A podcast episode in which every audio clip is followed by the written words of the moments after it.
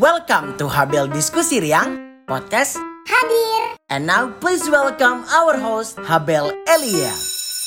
Hadir. Selamat datang di Habel Diskusi Riang Podcast Hadir.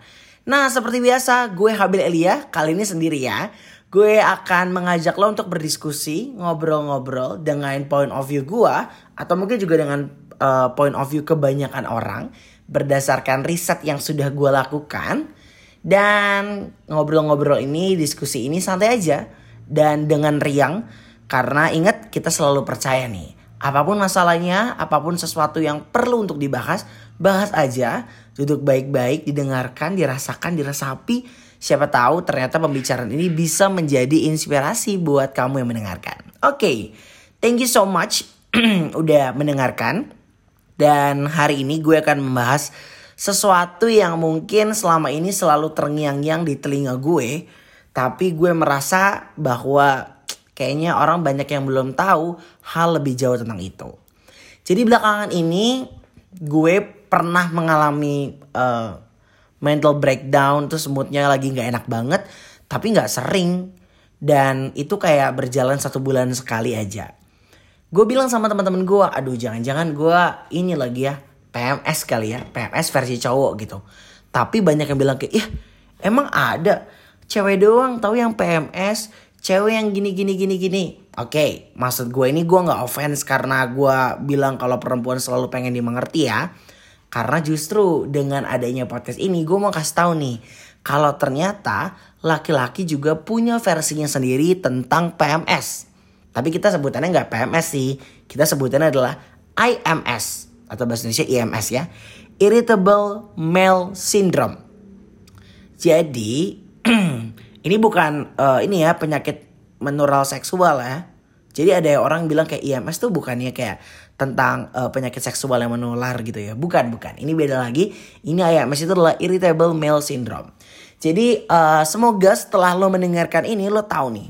Kalau ternyata stigma-stigma tentang cowok kan harus kuat, bukannya cowok tuh siap kapan aja ready. Beda sama kita cewek yang mungkin uh, moodnya naik turun kalau lagi PMS. Bahkan yang uh, ada juga laki-laki yang merasa bahwa eh lu kan laki-laki harus tangguh boy karena kan kita kan nggak tergantung sama hormon. Kita kan laki-laki yang strong. Jadi uh, pernyataan ini nggak cuma keluar dari perempuan tapi dari bahkan sama laki-laki loh ya guys.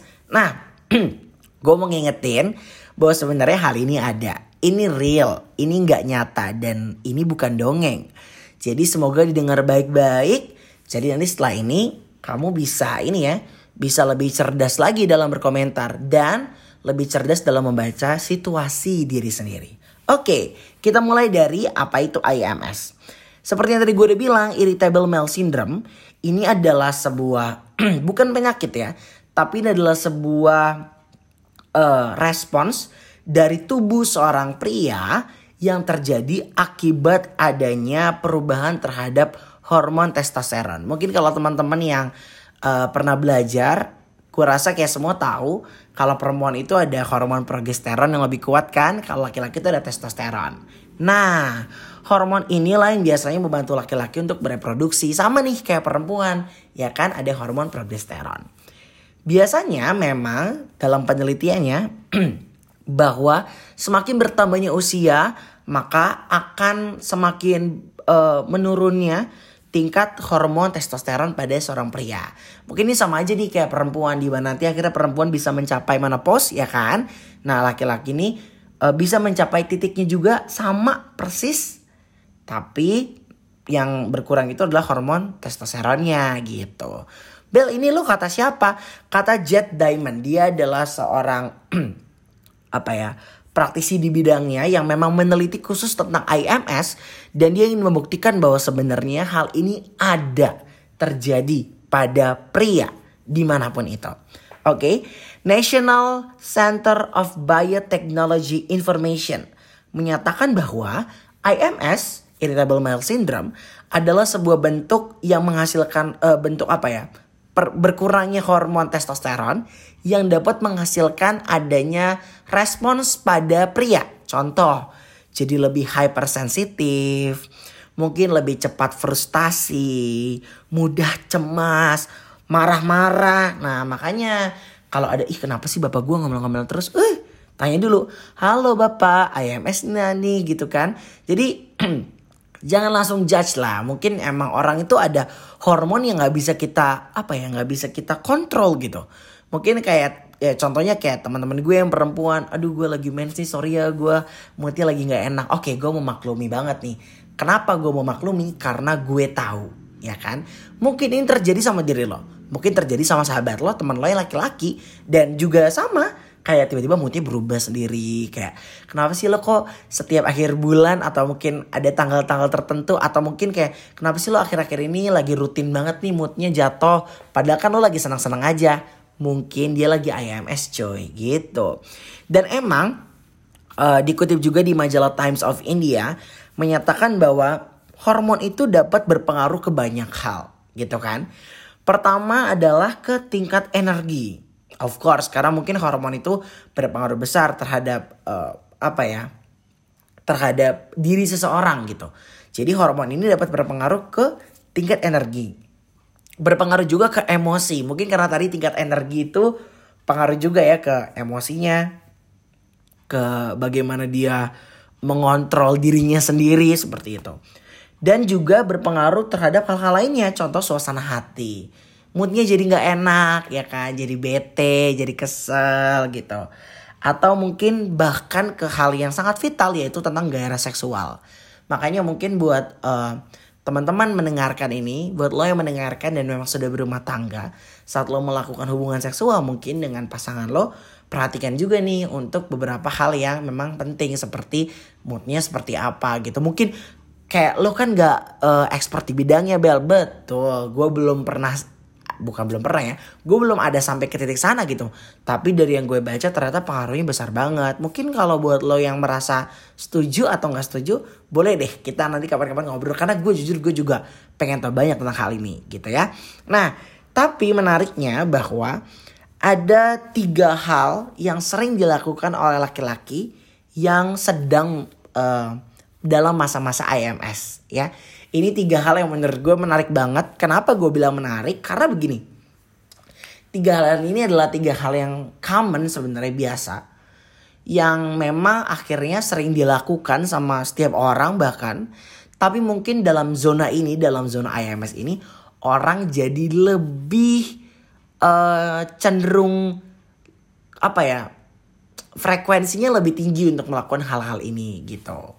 Yang pertama, ini gue kocak sih karena sekali lagi ya setelah gue baca ini gue merasa bahwa oh ini yang terjadi sama gue minggu-minggu kemarin gitu. Jadi mungkin uh, ini yang sedang terjadi dan kayak wow penelitiannya sama nih sama yang gue rasakan. Yang pertama, laki-laki yang sedang IMS akan cenderung impulsif untuk membeli barang yang bahkan tidak dibutuhkan. Oke, okay, stop dulu di situ. Kalau lo mendengarkan uh, ada televisi di Indonesia, uh, ada televisi yang pernah wawancara salah satu hostnya pelawak, ya pelawak dia bilang kalau iya nih selama pandemi ini gue jadi lebih sering belanja online, ya kayak ketagihan aja nggak tuh jadi beli macam-macam gitu.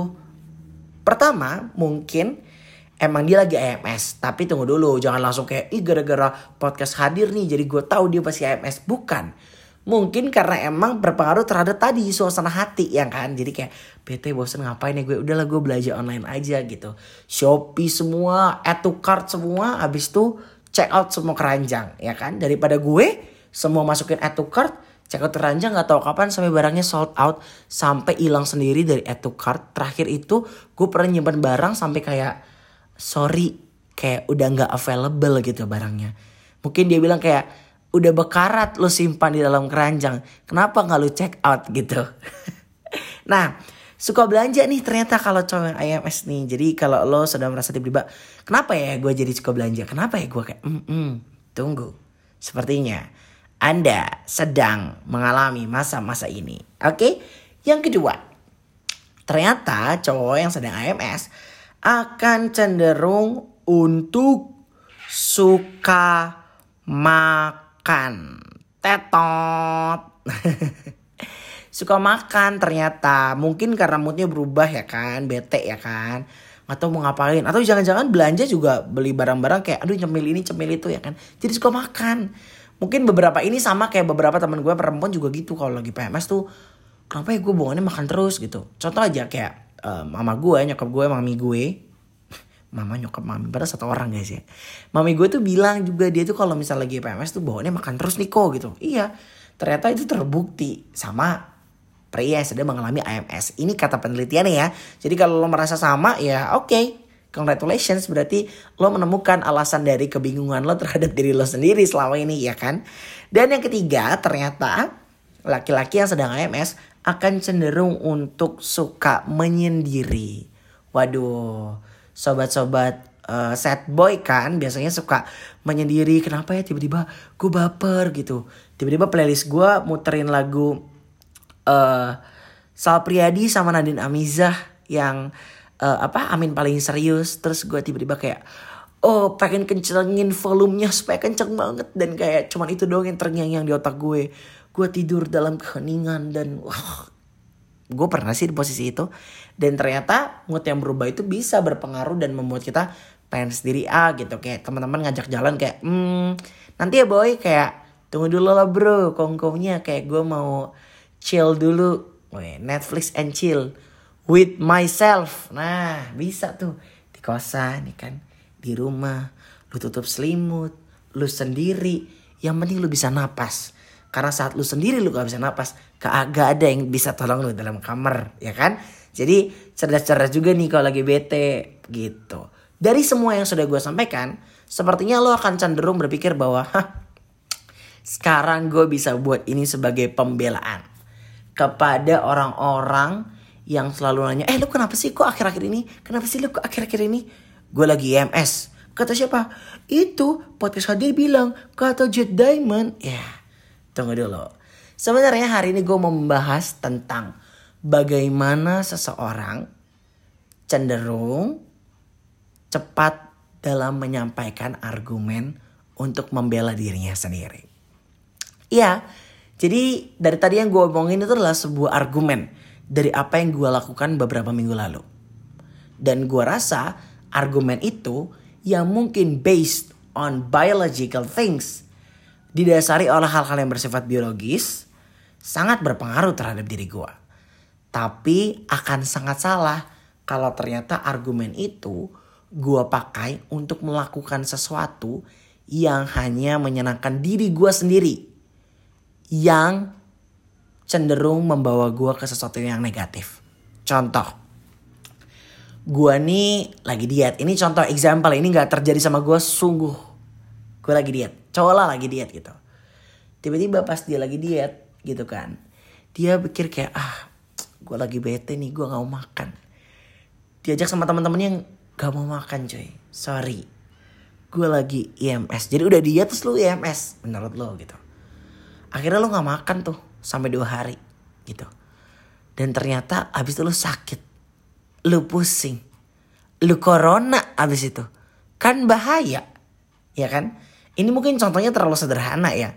Tapi lo wonder gak sih dalam kehidupan sehari-hari kadang kita sering pakai excuse yang orang-orang rasa udah pasti bener excuse-nya. Contoh kayak sorry ya gue lagi uh, eh, PMS Sorry gue lagi MS, sorry gue lagi ngamut, sorry gue lagi pusing, sorry gue lagi tertekan, sorry, sorry, sorry. Dan akhirnya karena terlalu banyak alasan itu, orang cenderung untuk kembali ke ruang lingkupnya yang si yang sempit itu, menutup diri dan akhirnya tidak mau mencoba melakukan sesuatu di luar dari hal yang memang sedang mengikatnya akhir-akhir ini. Gue berpikir ya, jangan-jangan alasan ini adalah tanda bahwa sebenarnya gue tuh tidak cukup bebas. Bebas dalam melakukan sesuatu gitu. Ya walaupun jangan juga dipakai sebagai ajang ini ya, ajang untuk ngerepotin orang lain kayak ah lebay lo sok-sokan IMS. Well, bukan begitu maksudnya. Tapi secara bijak kita bisa menggunakan sebuah alasan dengan tepat gitu. Gue merasa bahwa akhir-akhir ini gue dari satu sisi gue sedang terus belajar karena dalam masa pandemi ini memang kayaknya belajar itu menjadi satu hal yang penting ya. Belajar bukan belajar tentang belajar akademis aja, bukan belajar skill aja, tapi belajar bagaimana gue harus meng semakin mengenal diri gue. Semakin belajar peka dengan lingkungan dan tahu gitu. Kayaknya ini kurang tepat, ini tepat apa yang gue lakukan tuh baik atau enggak sih? Harus ada evaluasinya. Karena ya ada selalu ada riset, selalu ada action dan memang selalu ada evaluasi untuk apa yang sedang kita lakukan gitu. Jadi semoga podcast ini bisa memberitahu lo informasi yang penting tapi sedikit menipu bahwa sebenarnya betul laki-laki itu punya IMS ya. Jadi jangan sampai lu juga salah kaprah nih berikutnya kayak hahaha podcastnya plot twist bukan karena plot twistnya tapi karena emang sebenarnya poin utama dari ini adalah walaupun lo tahu alasannya, walaupun lo tahu banyak excuse yang bisa lo lakukan untuk menjadi tembok penghalang lo melakukan sesuatu yang baik, tapi tunggu dulu. Kalau memang ternyata sesuatu ada manfaatnya untuk dilakukan, why not? Kenapa lu nggak mencoba untuk keluar dari zona nyaman dan mencoba untuk apa ya? bisa menyelesaikan masalah dan men, apa ya mencari solusi di saat lo lagi terpuruk, lo lagi nggak mood, lo lagi pengen sendiri, lo lagi pengen belanja belanja, lo lagi pengen makan banyak. Nah, apakah lo tetap bisa melakukan sesuatu yang baik atau enggak? Seperti itu. Gue senang banget sih karena dalam masa pandemi ini yang mungkin banyak orang stres, banyak orang yang ternyata bisa melakukan sesuatu yang baik, gitu kan? Uh, gimana ya? Gue merasa bahwa ini kan anggap aja ini uh, mendekati akhir-akhir dari masa-masa pandemi ya. Amin, semoga. Uh, eh, gue selalu bersyukur buat setiap pergerakan angka yang terjadi di hasil COVID-19 setiap harinya orang bilang kayak wah gila Indonesia udah nyampe 50 ribu nih gitu. Uh, gila perkembangannya satu hari seribu nih gitu.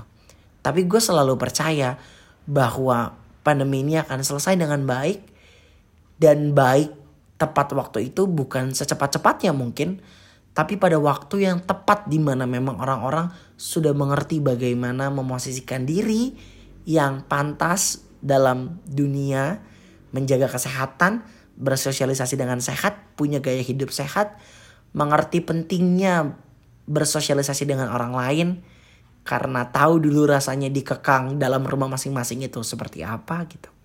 Nah, gue merasa bahwa dalam masa pandemi yang sudah mau berakhir ini um, semoga nantinya ada semangat baru ada spirit baru yang orang sudah kumpulkan karena sekian lama nggak pernah ketemu sama orang banyak mungkin. Saat keluar kandang nanti kita bisa kayak yes oke okay, gue akan jadi manusia yang lebih baik gue akan jadi orang yang lebih produktif gue akan jadi orang yang set goalnya positif banget gitu. Walaupun ya gak menutup kemungkinan bakal ada penurunan produktivitas yang terjadi karena adaptasi yang kurang cepat terhadap new normal yang sedang dijalani sekarang. Tapi di luar dari semua kemungkinan buruk itu, ingat, tetap ada kemungkinan terbaik untuk kita bisa lakukan, ya kan? Uh, gue senang banget bisa ngobrol-ngobrol di sini. Well, ini adalah episode yang ketujuh. Dan ternyata setelah tujuh episode ini, gue merasakan banyak manfaat. Dan gue berharap listeners atau pendengar juga mendapatkan banyak manfaat dari hmm, mungkin 6 episode sebelumnya. Dan ini jadi episode yang ketujuh. Seperti yang gue bilang tadi, uh, banyak banget alasan yang bisa kita lakukan untuk melakukan sesuatu ataupun tidak. Tinggal bagaimana bijaknya kita bisa menguasai diri kita dalam melakukan itu. Ini for your information ya guys. Hari ini kayaknya gue lagi gak mood banget untuk take podcast. Dari tadi kayak wow, uh capek gitu. Dan for information juga gue take podcast ini kira-kira ini sudah hari Sabtu ya. Gue kan akan rilis nanti sore berarti jam 4 sore. Ini hari Sabtu di mana ini rilis. Gue paginya nih sekarang lagi tag podcast. Subuhnya sorry ya bukan paginya. Gue biar harus ngedit dan lain hal sebagainya. Karena tadinya aduh males apa gue bikin apa ya minggu ini ya jangan konten podcast gitu. Kayak gue berdalih gitu. Tapi setelah gue pikir-pikir no nggak bisa gue harus bisa keluar dari zona nyaman. Gue merasa bosan ya udah gue bosan aja. Eits nggak bisa gitu. Gue harus tetap konsisten. Gue harus tetap uh, berani mengambil uh, sebuah tindakan tegas terhadap rasa mungkin bisa dibilang rasa malas atau rasa apa pun yang sedang gue rasakan sekarang sebagai alasan gue nggak bikin podcast gitu. Oh ya, uh, buat pendengar, thank you banget sudah menginspirasi gue karena gue senang banget dari setiap apa ya input-input yang kalian kasih gitu kayak wah podcastnya kayak gini kayak gini. So happy. Gue nggak tahu kenapa di podcast ketujuh ini gue uh, mungkin too personal oke okay, sorry tapi thank you so much. Ini episode kesempurnaan karena ini adalah angka tujuh kesempurnaan. Apaan sih? Ya kan dan nggak tahu lagi pengen ngobrol banyak mungkin. Jadi gue kayak intim banget podcastnya cuy. Kayak gue ngerasa ini gue lagi kayak curhat gitu. Tapi nggak masalah ya. Nggak masalah kan kalau lu masalah lu udah kira-kira uh, exit dari 5 menit yang lalu. Tapi tetap berbobot kan obrolannya. Hmm. berikutnya gue akan collab dengan beberapa orang. Dan semoga kolaborasi gue tetap uh, menginspirasi seperti kolaborasi gue yang kemarin-kemarin juga senang banget punya banyak teman-teman yang mendukung gue untuk melakukan ini semua so happy so so so happy Um, tetap semangat, jaga kesehatan, dan ingat, mungkin ada banyak hal yang bisa mendorong lo untuk lemah dan jatuh. Tapi lo orang yang hebat yang punya kuasa atas diri lo sendiri. Mengambil sebuah keputusan untuk melakukan sesuatu yang lebih baik dan membawa lo ke arah yang lebih baik. Terima kasih sudah mendengarkan podcast hadir hari ini. Thank you so much. I'm so happy. Pastikan lo akan ada lagi di kehadiran berikutnya di episode ke-8. Woohoo! So happy guys. Pastikan lo hadir di sini dan ingat lo tetap bahagia dan kehadiran lo membawa kebahagiaan. Se saya kan gue terlalu formal ya kadang-kadang ya. Gue habel mesti gitu, gue mau gitu. Ulangin ah biar keren closingnya Aduh, udah episode ke ini masih kacau aja nih closing ini. Oke. Okay. oh my god, thank you so much sudah mendengarkan uh, episode ini. episode ini mungkin ada informasinya, ada plot twistnya, tapi ada curhatnya juga. Gak apa-apa. Thank you so much guys. Dan pastikan lo ada di kehadiran berikutnya ya. Dan hmm, ingat, lo harus tetap uh, lo harus tetap berbahagia dan kebahagiaan lo membawa kebahagiaan. Nah gitu. Tapi kan ini, siap ya? Gue Habel Elia pamit undur suara. Sampai ketemu di kehadiran berikutnya. Pastinya di Habel Diskusi Ria. Lupa gue namanya. Podcast hadir. Bye guys. Thank you so much. See you. Bye. Terima kasih sudah dengarkan podcast hadir. Nanti hadir lagi ya.